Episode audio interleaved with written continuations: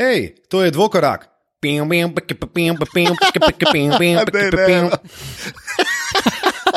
Imamo intro.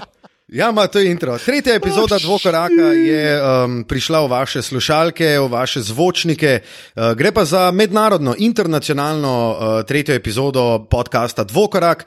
Luka Štucin, Tilen Lamut, Matija Kosmač iz vseh koncev sveta danes in začeli bomo doma pri vas.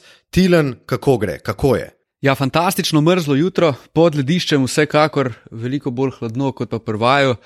Uh, tako da predlagam, da kar vidva poveta, kako se mata, ker bo to naše, naše poslušalce sigurno veliko bolj zanimalo, kot pa uh, hladno jutro, minus 4 v Ljubljani trenutno.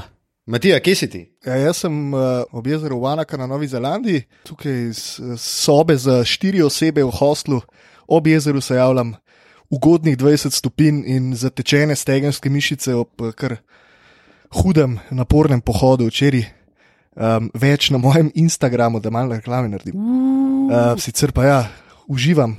Povej, kako uživaš ti, Luka, um, v Melbournu si od? Od uh, desetega, oziroma enajstega sem preletel v Melbourne.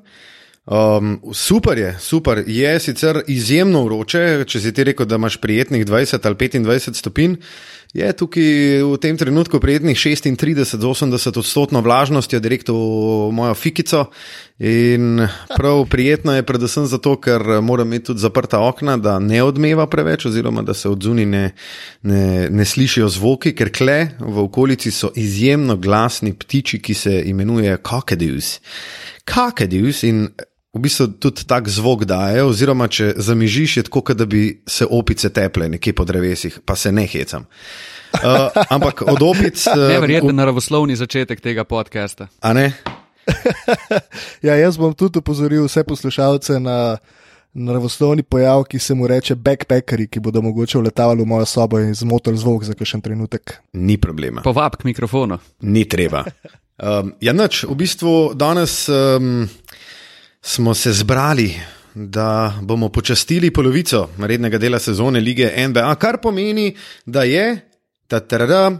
Mid-season awards, nagrade med sezono, ampak še prej, tako kot eh, to počnemo tradicionalno, kot smo to storili že dvakrat, najprej sledi haterski kotiček, ki ga danes odpira Matija.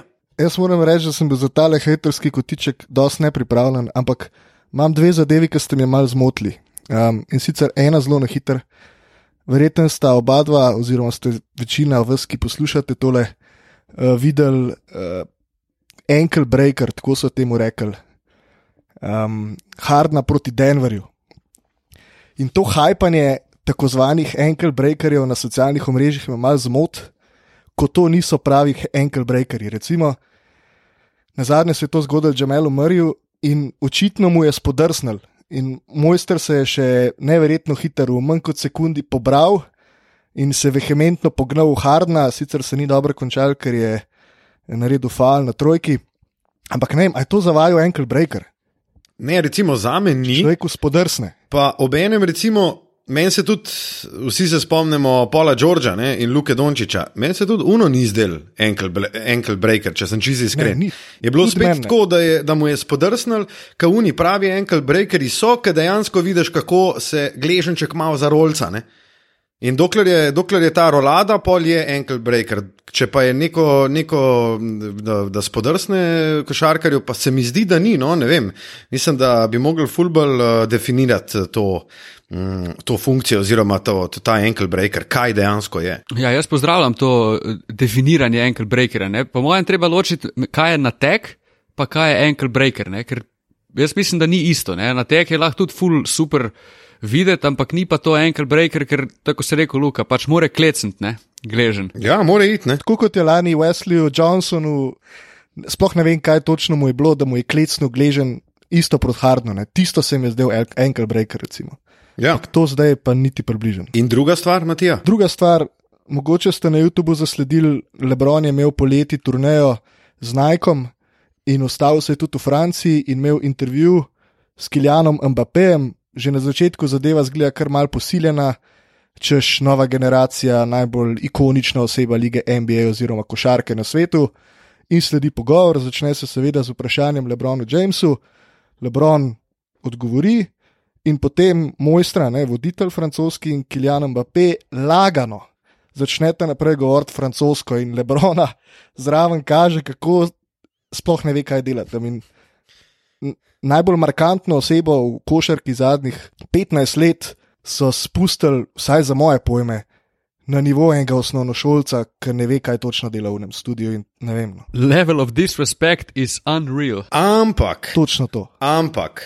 Jaz bi se pa tukaj s svojim haterskim kotičkom navezal na Lebrona Jamesa in se mi zdi čist prav, da so ga mičken spustili na realna tla, ker, kot vemo, je Lebron James nedolgo nazaj v enem izmed pogovorov s prijatelji, ki je bil mimo grede seveda tudi posnet, dejal, da ko je zadev tisti med za zmago še od resu Clevelanda in ko je Cleveland premagal rekordne Warriors, da je takrat vedel, da on pa je the GOAT, the greatest of all time, najboljši vseh časov.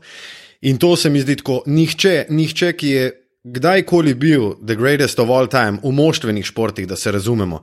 Tukaj zdaj ne govorimo o tenisu, o boksu in tako naprej, ker vemo, koliko jih je bilo, predvsem v boksarskem ringu, ki je zase reklo, da so najboljši vseh časov, ampak recimo v moštvenem športu.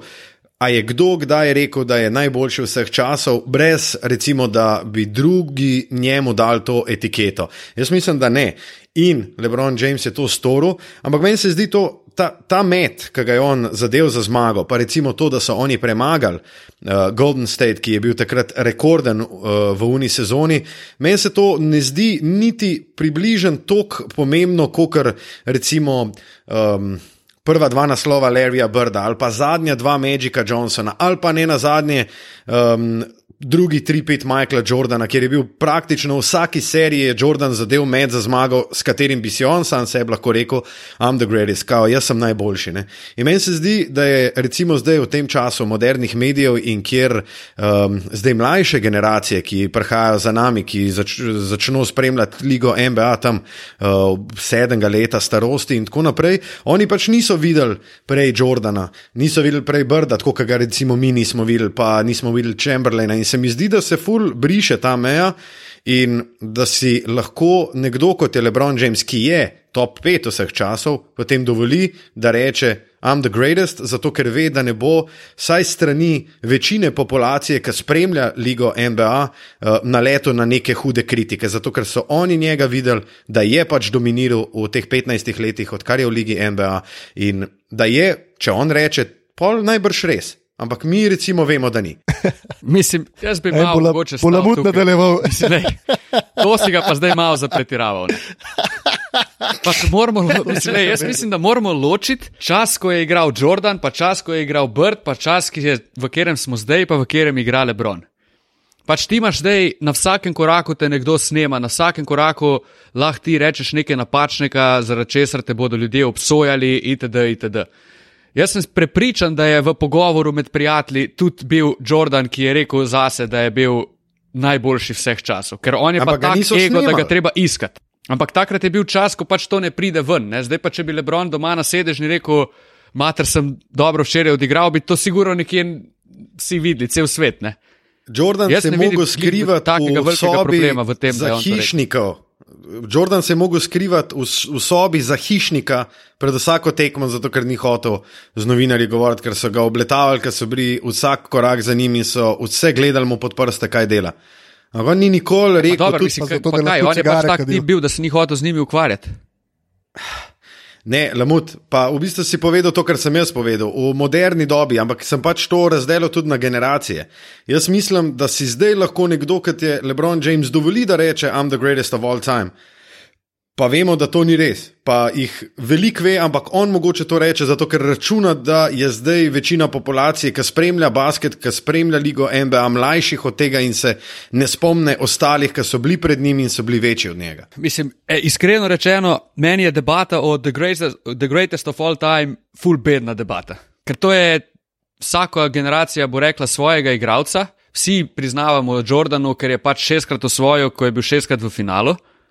Ampak argumente svoje, naprimer to, ko si rekel, da se ti ne zdi tako pomembno, da je, da je Cleveland iz 3-1 proti najboljši ekipi po rednem delu Ever, prišel nazaj, ne zdi nič posebnega, oziroma ne tukaj posebno, kot pa tri naslovi od Jordana. Pač to, No, tle bom pa jaz skočil. tu si mogoče In to malo spustil se prenisko, no? ker to je nekaj, kar je on naredil s Clevelandom nerealno. ker se je ravno danes javil Richard Jefferson in na Players Tri- Tribune zapisal, uh, some titles they're just they just mean more than other titles. That's just the truth. I know it, you know it, Golden State knows it. In to je za mene do zadnje pike točen in korekten povzetek une finalne serije. Nihče ne jemlje nič nobenega pomena tej seriji. Jaz sem pač samo rekel, da je Jordan zadev tudi. Ja, ja, ja. Pa poglejmo, da le šot proti uh, prot Utahu, ki ga je zadev. To bi lahko dal zraven. Mislim, ve, vemo, kaj je pomenila una generacija v Utahu, vemo, kaj je pomenil Jerry Sloan in ostali.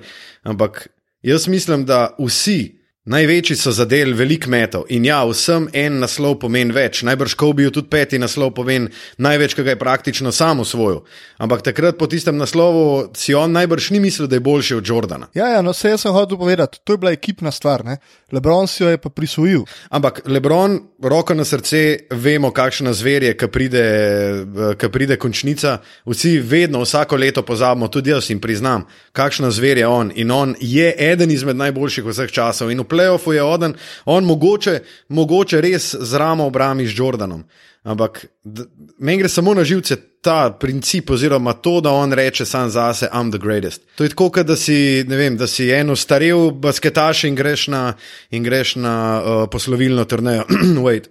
Okay, ne, in okay. vidi se, da ga to ful matra, ker so vsi ostali to debato zdaj ravno iz spoštovanja do, Lebron, do Lebrona kar mal diskreditirajo in rečejo, ni fair govoriti o tem, kdo je najboljši vseh časov, različne ere in tako naprej. On pa še očitno še kar ima neki na hrbtu, da, da, da, da pač mora to ven metati in mora nekako dokazati, da je res največji vseh časov. Se strinjam. Meni se zdi nesmiselna debata, tako kot, rekel, tako kot si rekel ti, Lamut, in tako kot si mnenja tudi ti. Po mojem, bo on imel ta nahrbtnik skozi na sebi, zaradi tega, ker v končni fazi on si je ta nahrbtnik sam dal. Ko je bil v srednji šoli, on si je sam dal tetovirati čez cel hrbet The Chosen One. Pač to je, on je v zgodovini športa mogoče posameznik, od katerega se je daleč, daleč največ pričakovalo, ga najbolj oblegalo itd., ker je pač tudi v tej dobi družbenih omrežij itd.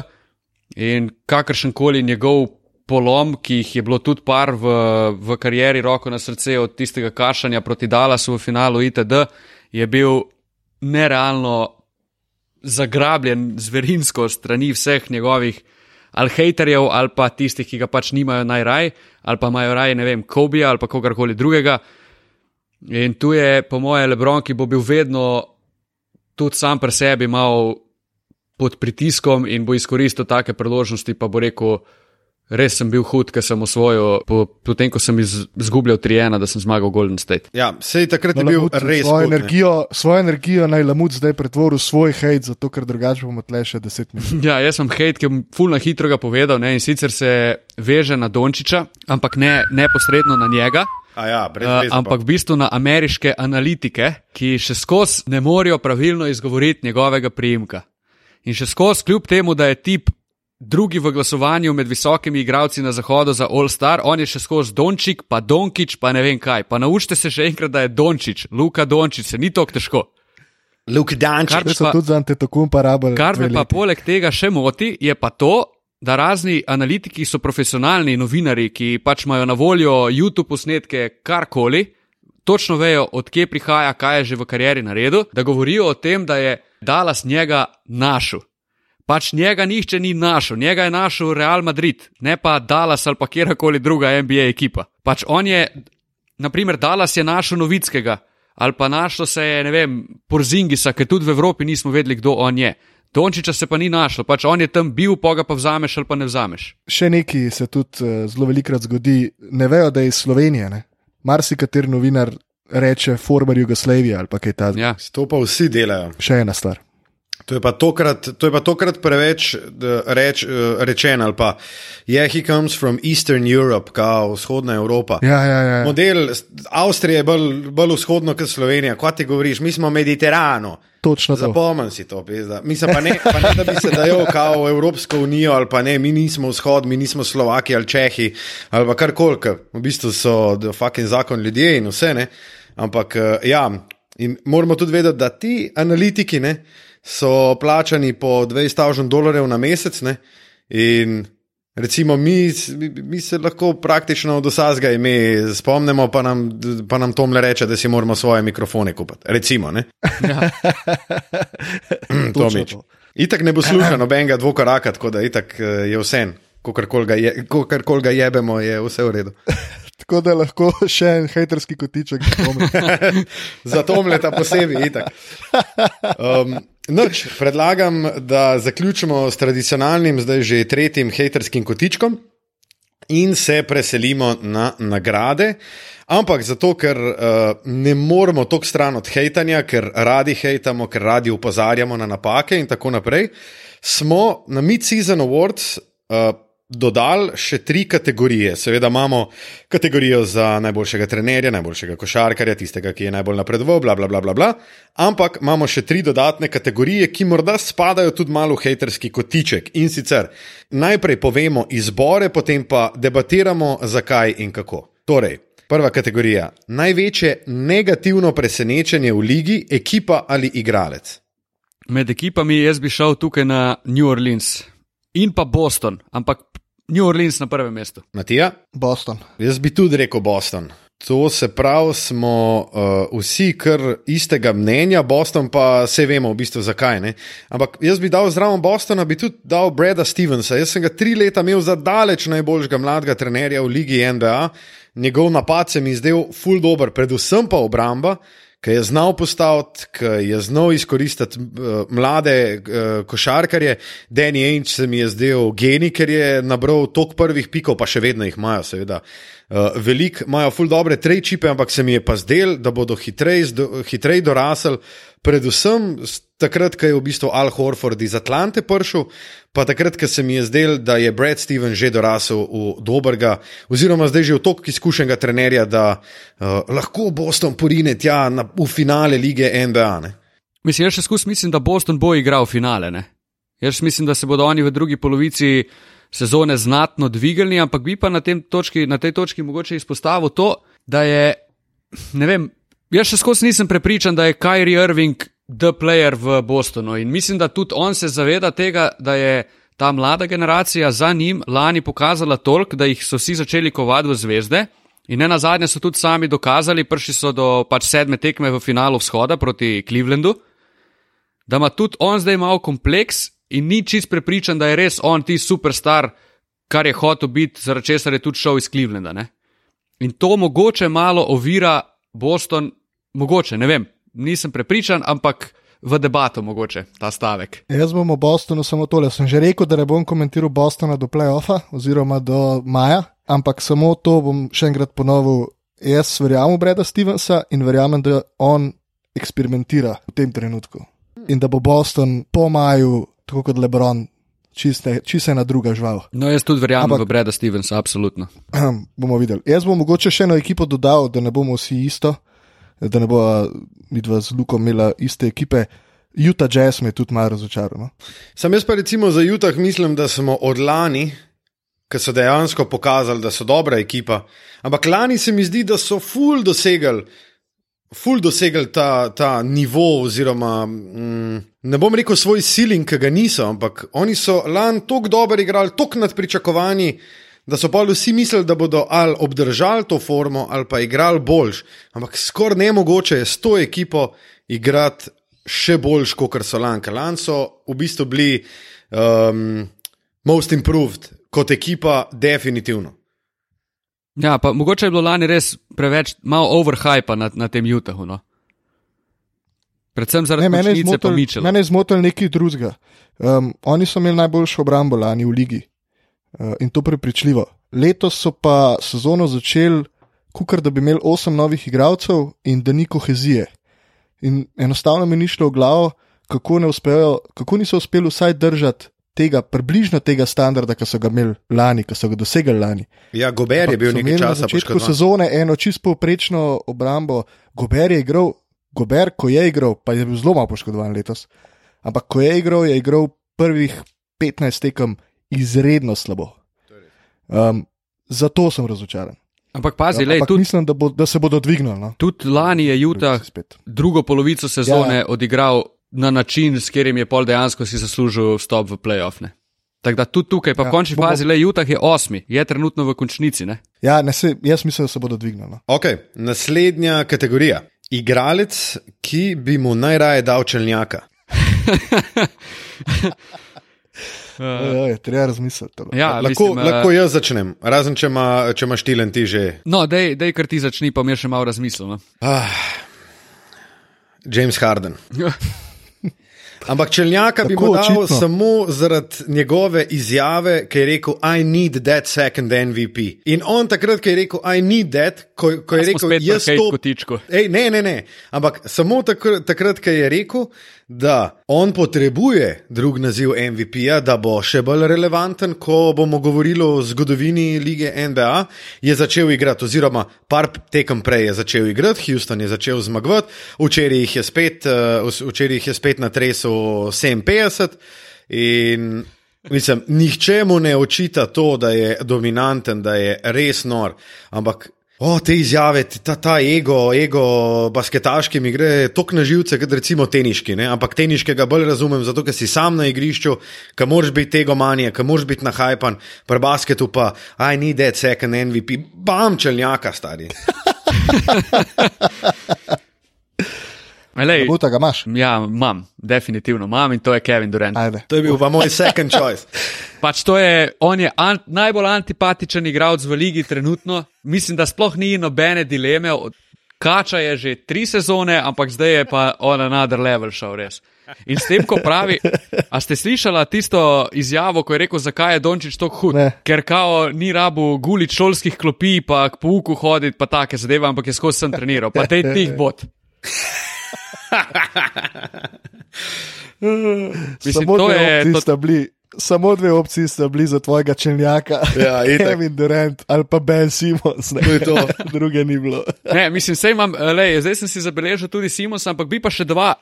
Imam še, še štiri igralce, bom sem omenil, ki, A ki ta, mi te res grejo na plesko, živce. te so samo za plesko. Za plesko. Brandon igram, ker je pač, ne vem zakaj točno. To smo že povedali v prejšnjem podkastu, zakaj ga ne Jimmy maram. Butler, Ja. Jimmy Buckets. pa, Ja, Jimmy Buckets, Jimmy Buckets je moj čelnjak. pa kar res? Anthony Towns, pa Andrew Wiggins. To Kar celo Minnesota je naštel, zdaj še ti, zdaj še ti bodo, Še ti bodo. zdaj še enega. No? Ja, jaz bi dal Jimmy Butlerju zato, ker. Sam zato, ker ne more čez svoj ego, sam zato, ker se ne zna podrediti ekipi za tistih par odstotkov, ki bi lahko ekipo dvignili na višjo raven, ampak ne, ne. On bo teril svojo zgodbo. Jaz se čisto strinjam s tabo, podpišem takoj. Tudi jaz. O, Pa moram reči, da sem poslušal podcast uh, J.J. Redika. Uh, in to prav z Jimmyjem Butlerjem. In se mi je zdel to, ko moj bog, gaben se mi je zdel res. Mislim, tako je Ima svoj govoril. YouTube kanal, tako da ga lahko malo gledate. Ja, mm, mm, mm, ne bi. Butler ima zdaj svoje lončke za kavo, ega. Ja, Toga, točno. tega. No. pa svoj logo, pa vse. In uh, zadnjič se, prvič so uh, ameriški mediji videli ta logo na uh, teh kozarcih, in to, je, baje, to obstaja baje že ne tri leta. In potem, ko so to opazili in so to izpostavili, uh, se je pa javil majster, ki je to izdelal. Ponosno, da ni hotel tega sam povedati, ampak da je zelo vesel, da so ameriški mediji to odkrili po treh letih. In da bo 64 lajkov na Twitterju. Ja, super. Noro. Noro. Kdo je dobil 46 lajkov na, na, na Twitterju? Ja, ta model, ki je naredil lončka, ne, ki je pričakoval verjetno, da se bo zdaj pa izpostavil uh, na dizajnerskem področju. Stari, mi smo dobili več lajkov na Twitterju za prvi bokorak. um, ej, tretja kategorija, uh, pa gremo na hiter, zato ker, ker smo že pol ure skoraj. In sicer tretja kategorija na hiter, trener, ki ga bi bilo treba čim prej odpustiti. Bom jaz kar začel. Um, In jaz bom rekel Igor Kokoškov, ampak ne zato, ker bi on delal tako slabo, zato ker vemo, kaj je naredil, predvsem v slovenski reprezentanci, vemo, kakšen trener je, dobro smo ga spoznali, vemo, da je rojen winner, vemo, da želi zmagovati, vemo, da ima vse za to, ampak. Uh, trener, ki bi ga bilo treba čimprej odpustiti, Igor Kokoškov, samo zato, da čimprej dobi novo službo, oziroma da je spet, ne vem, assistant coach nekje ali pa prevzame nekatero ekipo, ki ima više aspiracije, kot kar dobiti prvi draft pick. Mislim, jaz ful uh, nisem pristaš tega, da bi se odpuščalo trenerje prehitro. Tudi zaradi tega, naprimer, ne bi odpustil Kokoškova, ker se mi zdi to, da, je, da bi bil pol neko žrtveno jagnje tega sistema v Phoenixu oziroma ekipe, ki realno ne more biti kaj dosti više, kot je trenutno. Zaradi tega mi je šlo tudi na živce to, da je, naprimer, da Chicago odpustil Freda Hojberga. Ja, ker je Fred Hojberg res edini krivec, da Chicago ni boljši letos. Dejansko bi tole kategorijo mogel posneti dva tedna prej in bi vsi trije rekli, Tom ti bo dal en. Ja, to je pa res. To bi bilo. To je Ja. pa res. Čeprav jaz, ko sem, zdaj, ko sem razmišljal, ne, sem pogruntal malo, da imam kar problem s Filadelfijo dejansko. Ne. Simons Itak, Jimmy Butler, pa Brad Brown je mogoče človek, ki bi ga treba zamenjati pri Filadelfiji. Uh, jaz pa mislim, da ne. Jaz pa mislim, da ja.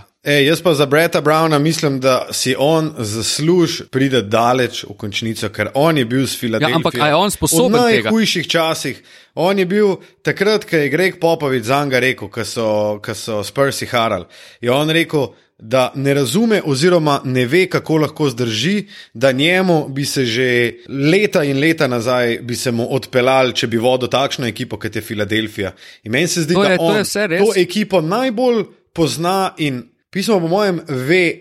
Kaj najbolj dela, oziroma ne smemo gledati samo na to, da, Brad, da, da Ben Simons ne meče trol, pa da je Joel Embiid najbolj um, antipatičnih igralcev v ligi in hkrati Jimmy Butler. Ne? Ampak jaz mislim, da Brad Brown definitivno ni, ni, za, ni za košarcev. No. Kaj pa vem. No. Jaz se bojim, da, on, da je njegov ceiling prenizek v playoffu. Ok, mislim, da smo uh, podaljšan haterski kotiček zdaj zaključili. Uh, torej, izbrali tudi trenerja, ki bi moral biti najhitreje odpuščen, zdaj gremo pa na ta prave nagrade.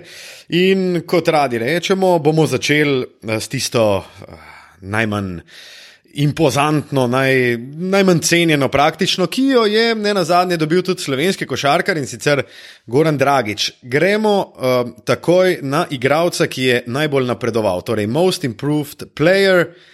Um, mislim, saj po mojem mnenju sta izbiri lahko le dve, in če vidva ne bosta zbrala enega izmed teh dveh košarkarjev, ki jo imam v mislih, bom hudo in globoko razočaran. No, moj glas je Pascal Sijakam. Ja, jaz sem si izbral tri, ampak ja, Pascal Siakam je definitivno prvi, Deron Fox in Brin Forbes sta pa omembi. Ha, zanimivo, da ni. Um, Nihče omenil Derrika Rosa. Je pa res, da je on zelo, Zanimivo, zelo specifičen, zelo specifičen uh, primer, je, ker je bil MVP, pa um, je dobil seveda tisto ultimativno individualno nagrado, ampak jaz bi se strinjal in bi dejal, da je most improved player, uh, ki smo ga zdaj skup zbrali, Spicy P, uh, začinjeni P. A it's a spice, Pascal Sijakam.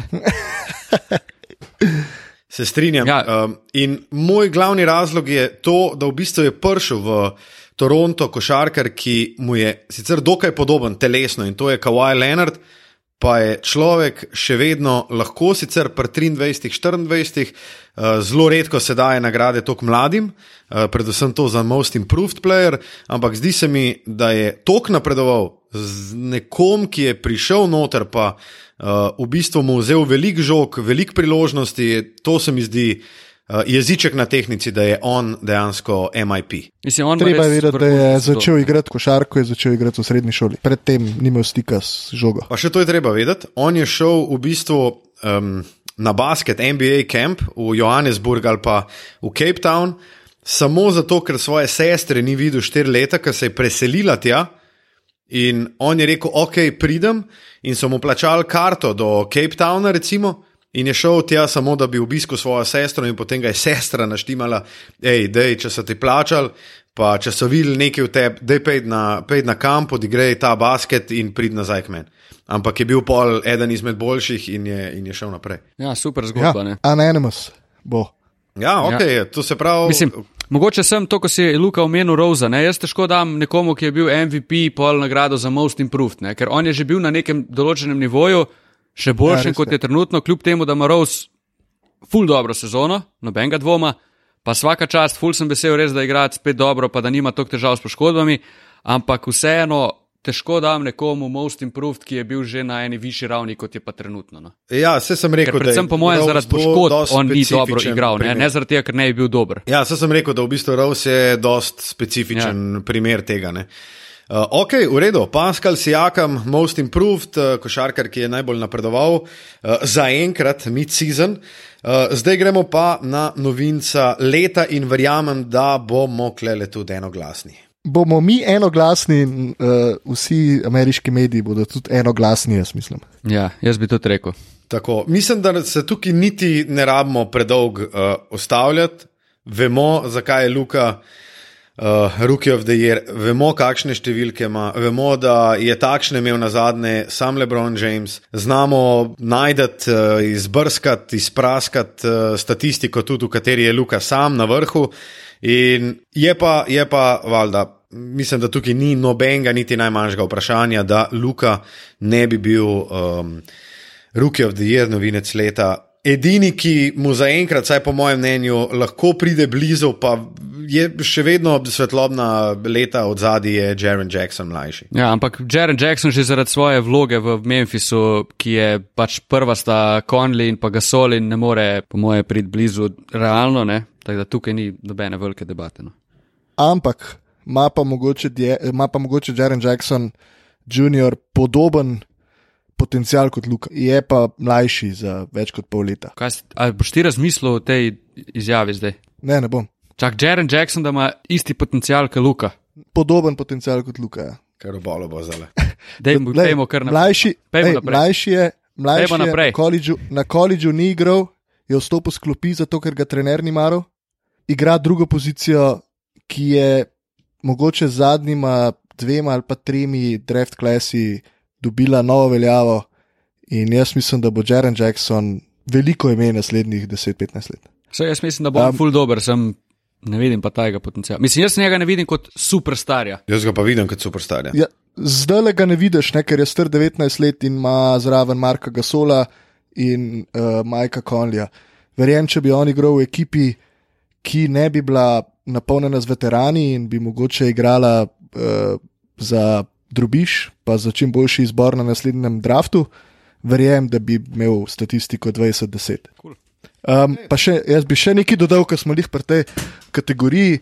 Um, in sicer bi sam mal stopil na žogo, se, tudi sami smo se o tem dosti pogovarjali. Um, sam minuto mogoče uh, all-star glasovanju. Luka Dončić je presenetil vse od prvega do zadnjega, oziroma smo navijači, mogoče tudi sami sebe malo presenetili, kako pridno glasujemo. Samo ta hype okoli Luke je treba umiriti. Um, samo zaradi enega problema in sicer tega, da je to samo 50 odstotkov glasov in bo 50 odstotkov glasov prišlo strani trenerjev in igralcev. In tam Luka Dončić z izjemo Dirka Novickega in Rika Karlajla verjetno ne bo dobil glasov. Tako da jih bo dobil zelo malo. Ne? Ja, zelo, zelo malo. Tako da to, da bo on igral v prvi peterki, jaz mislim, da je malo utopično. No? Jaz tudi mislim, da on prek prve peterke še skozi mislim, da ne bo prišel noter, kljub temu, da si to seveda na vse, mislim, da želimo vsi trije. Uh, to, Jaz sem 50-50 no, tukaj. No? Jaz ja. sem 50-50 tukaj, zato ker bo velik pritisk na ameriške medije. Absolutno. Um, in ko bodo trenerji zbirali, bo to definitivno upoštevano. Um, in zato verjamem, da Luka še zmeraj zna priti zraven. Ampak bo pa teže, kot se trenutno zdi, ja. ko pride rezultat po glasovih in vsi skočimo in um, smo jasno izjemno veseli, da bi se to lahko zgodilo. Yep. Ja. Ok, uh, torej, Luka. Upam, je... da nisem preveč pesimističen, izpadel. Ne, pa jaz mislim, da je to čist uh, realno. Moramo, moramo vsem pogledati, tako da to, kar mi naredimo z glasovanjem, je v bistvu polovica dela. Moramo še, zdaj smo prišli na pol poti, potem je pa pol poti, ki pa ni odvisna od nas. Ne? Ostalo je pa, na, je pa na Luki v naslednjih tednih. Tudi to, ja. Ok, Luka Dončić, torej enoglasno tudi najboljši ruki v sezoni 2018-2019, oziroma vsaj do polovice sezone in verjamemo, upamo, stiskamo pesti, da bo tako tudi ob koncu rednega dela. Najboljši obrambni košarkar do tega trenutka. Paul George. Paul George. Paul George. Kva smo dolgočasni. No. Paul George je Ja, res okla- hud letos. No. Pa ne Ne, samo res v napadu, kjer ima crazy stete, ampak eh, tudi v obrambi. On je, lani je šel Andrej Robertson kot njihov najboljši stoper na krilu ven. S poškodbo letos ga ni že celo sezono, ampak uh, Oklahoma ima še skozi najboljšo obrambo v ligi, kar je čist neznačilno za njih v primerjavi s preteklimi leti. In, uh, po mojem je glih Paul George tisti glavni razlog, ki je tudi s tem, ko je ostal, dal mogoče nek nov zagon, novo energijo, dodatno energijo te Oklahomi, uh, dokazal, da dejansko lahko tudi en superstar se odloči za njih zavestno v, v free agencyju. In res Paul George je, ima sezono, v kateri bi mogel biti mogoče tudi v MVP debati celo obravnavan malo više, kot pa je trenutno. Jaz se čist strinjam. Zato, ker ima tako veliko vlogo v napadu, uh, v obrambi je vrhunski, to potrjuje statistika, je pri vrhu večine hustle stetcev, ima največ defensive uh, win shareov. in Pa sploh pokriva zmeraj najboljše ni debate. nasprotnikove Pa pokriva najbolj, so- tako, tako. Največ ukradenih žog na tekmo. In obenem uh, Oklahoma, ekipa, ki sili največ izgubljenih žog nasprotnikov. In jaz verjamem, da sta v treh četrtinih primerov za to uh, zadolžena, oziroma za to v navednicah kriva, predvsem Paul George in Steven Adams, ki bi ga dal pa recimo na drugo mesto. Uh, kot najboljšega obrambnega košarkarja v, uh, do tega trenutka v sezoni, ampak dobro, to je debata za kdaj drugič. Se mi pa recimo pri Georgeu ne samo to, da vsak večer mora pokrivati praktično najboljšega igralca. Um, Tiste ekipe nasprotnikov, um, se mi zdi, da ekipe že dobivajo ta feeling, da ko je George na igrišču, imajo ta občutek, hej, zgubili bomo žogo, oziroma klej je grožnja, da zgubimo žogo lahko v vsakem napadu, zato ker je George tako aktiven z rokami, tako dobro anticipacijo ima, tako dobro lahko prebira nasprotne organizatorje igre, ker največ žog, ki jih George ukrade, jih ukrade ali temu, ki, jih, ki, ki ga krije, to pomeni v igri ena na ena ali pa s prestreženimi podajami z rok playmakerjev. In to se mi zdi nekaj najboljšega, da ti nasprotnega playmakerja navdaš s tem strahom, o fak, mogoče bom pa žogo zgubil, tam je George. Ja, in mislim, da je to kvaliteta vseh največjih obrambnih košarkarjev v zgodovini, začenši z Bilom Raslom. Ko enkrat prideš v glavo nasprotnika, uh, je pol dela že narejenega in on je v tej polovici sezone prišel v glavo um, igralcem, ki jih pokriva, in je pol dela s tem že naredil. Ok, zdaj pa mislim, da sledi kategorija, kjer pa si, to si pa skoraj upam. Trditi, da ne bomo, ne bomo imeli istega košarkarja, oziroma da bodo tole trije različni predlogi, in to je šesti košarkar leta. Uh, jaz imam tukaj Samo enega, več kandidatov. ne samo enega, moraš zbrati. Okay. Po pa je to Domanta Sabonis. Domanta Sabonis dvakrat. Se, Montreal Harel, fanta moja. Lepa, lepa. Je pa ful zanimiv, da recimo Sixth Man of the Year, ne, uh, če tako gledamo, ne vem kdaj je bilo, ampak 2011, valjda si nisem odprl d- zapiskov.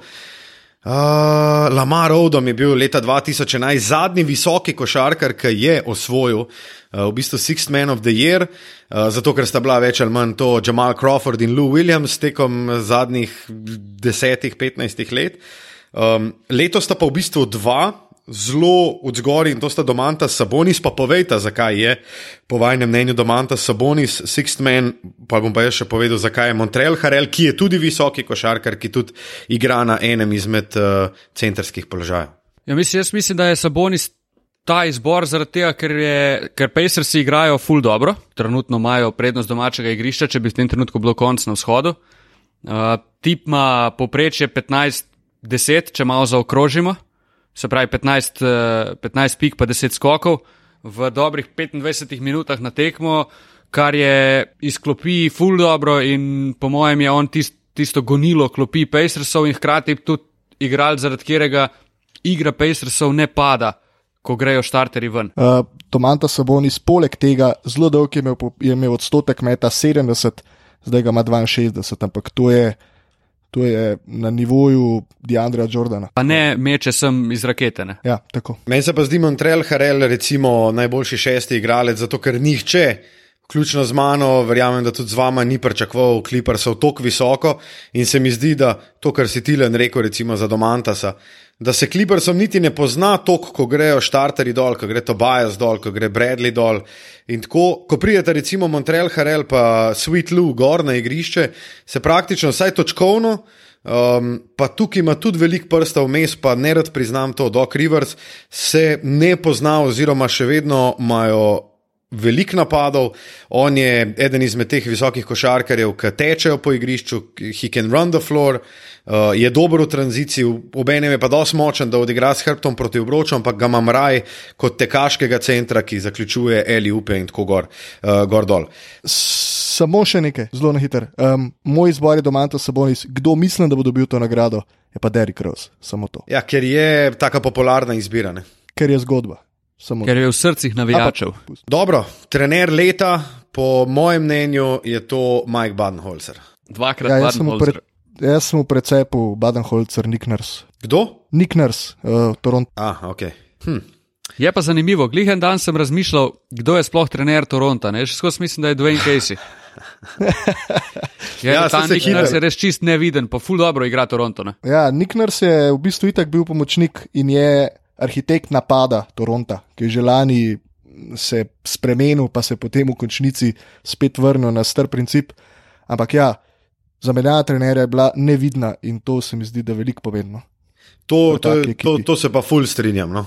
Toronto v bistvu igra odlično, na vzhodu je, sta v bistvu Milwaukee in Toronto, zato se meni zdi, da sta ja, Nurse pa Badenholzer edini. eh, Res oni pravi in logični odločitvi, mogoče še Doc Rivers s Clippersi na, ali pa Mike Malone z Denverjem na zahodu, ampak se mi zdi, da Badenholzer, po mojem mnenju, pa bom čist kratek, ker se nam mudi, recimo Jason Kidd pa Joe Pranti, ki sta prej sedela na klopi Milwaukeeja, Tam se je videl, da recimo, če imaš ti tazga superzvezdnika, kot je Dedokumbo, uh, ki je motor tvoje ekipe, da to še ni dost, da ti rabaš res dati vsakmu določeno vlogo in iz njega iztisniti maksimum. Sicer mogoče ne igrajo najlepšega basketa, ampak uh, vsi mislijo, recimo, da če bodo zaprli raketo, da Dedokumbo ne bo uspel nič narediti. Banholzer je uh, odklenil vse streljce, zadanejo, vržejo neverjetno veliko trojk.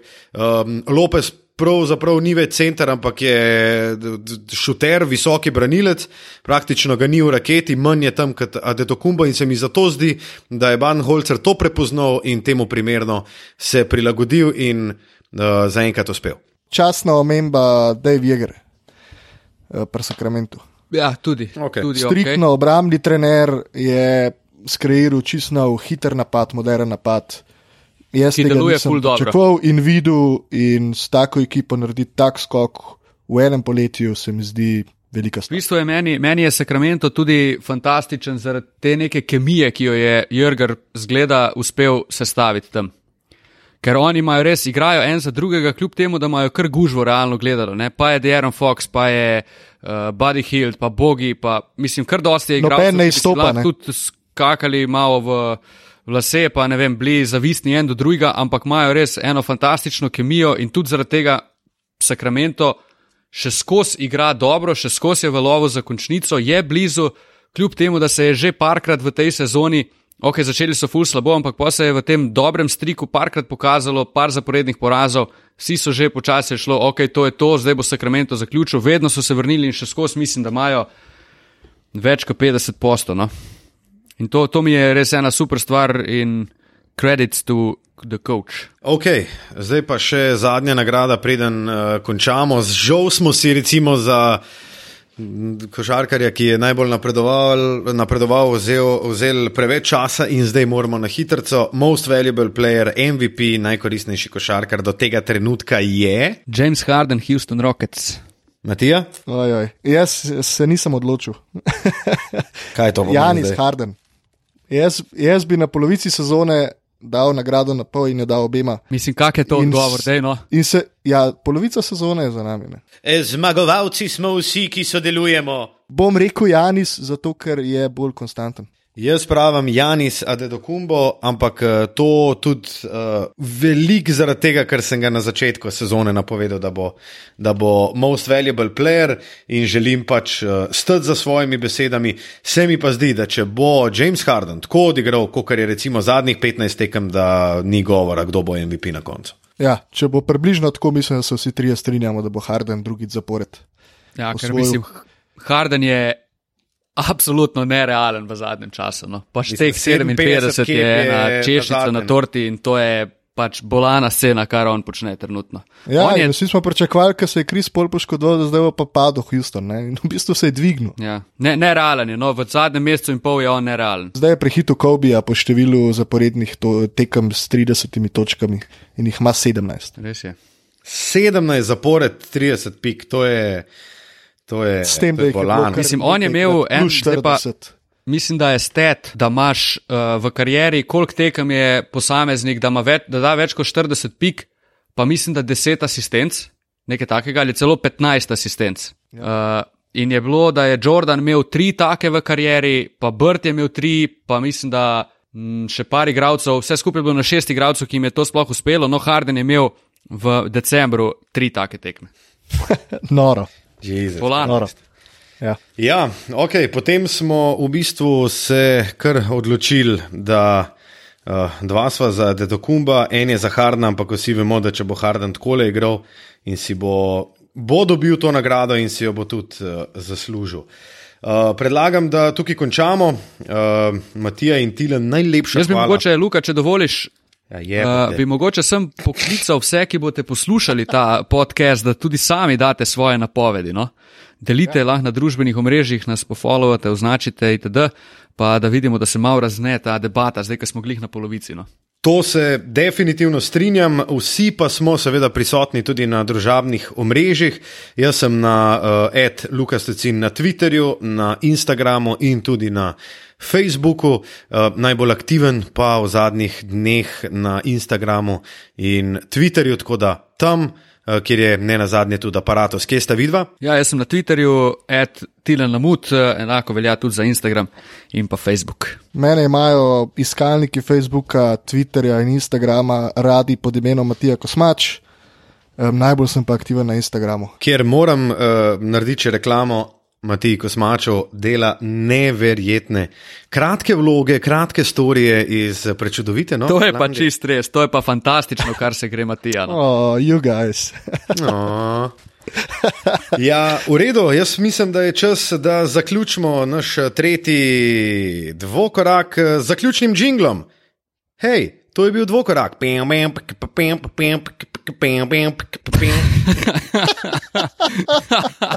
Ajde, čau. Ajde, Čau. čau.